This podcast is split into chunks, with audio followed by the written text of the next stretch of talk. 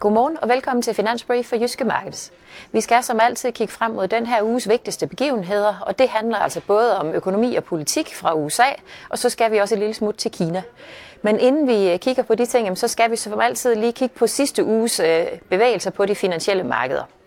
Og det var jo egentlig en, øh, en uge, hvor vi øh, igen så, at investorerne fandt det gode humør frem, efter at vi jo ellers har haft lidt gevinsthjemtagning i starten af året, efter de her store øh, stigninger, der var på aktiemarkederne i øh, november og december.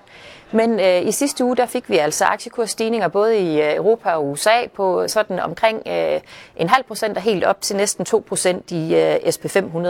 Og det betyder altså, at øh, SP500, altså det ledende amerikanske aktieindeks, nu ligger bare en lille spids fra øh, Øh, øh, alle tiders historiske rekord, som blev sat øh, i starten af januar øh, 2022.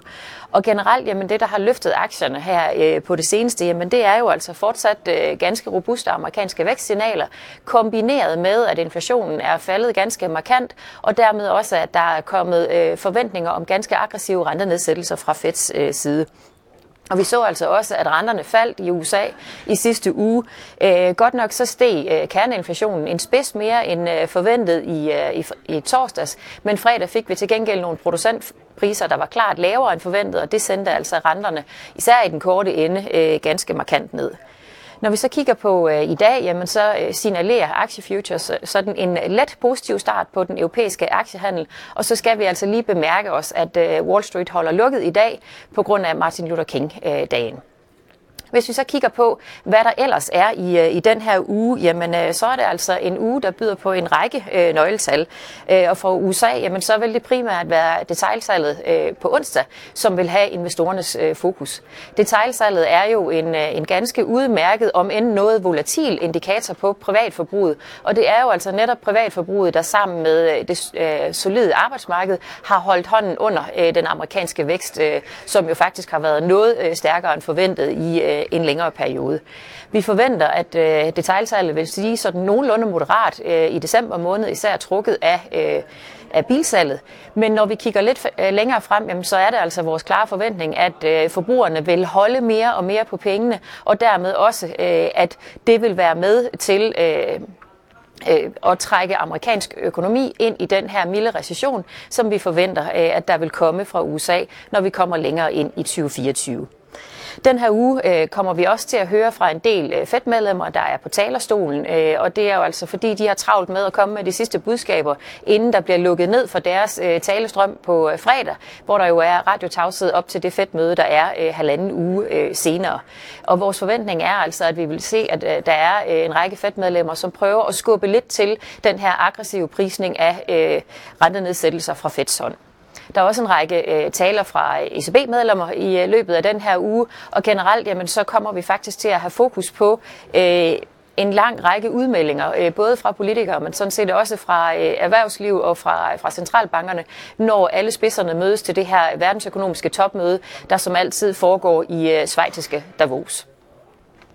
Ellers er der jo også øh, fokus på en anden øh, politisk ting øh, i løbet af den her uge, for det er nemlig øh, i dag, at vi for alvor får sparket øh, gang i øh, det, den amerikanske præsidentvalgkamp.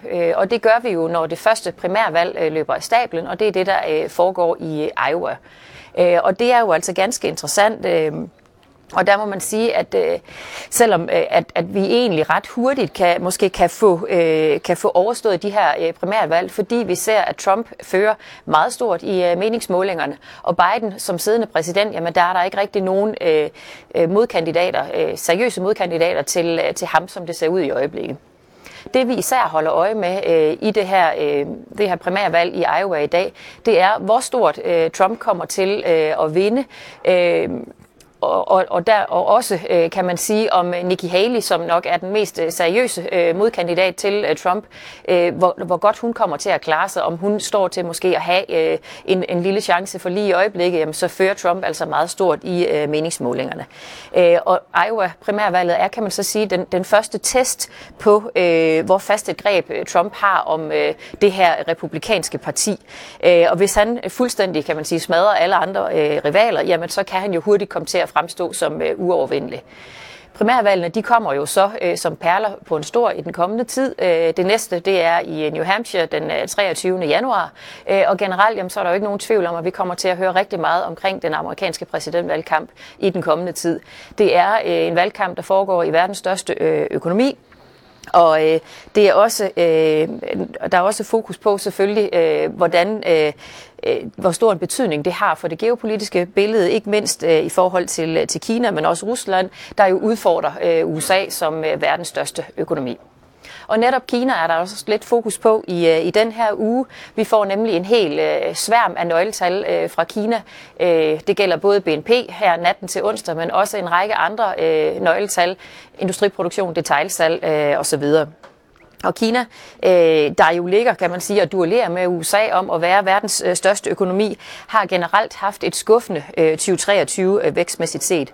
Og vi vurderer altså, at økonomien stadigvæk vil være under pres her i, i 2024 også. Øh, det er et skrøbeligt boligmarked, der tynger, men også øh, tilbageholdende forbrugere og en trykket øh, eksport, som er noget af det, der gør, at væksten er noget mere afdæmpet i, øh, i Kina, end øh, man nok kunne have håbet.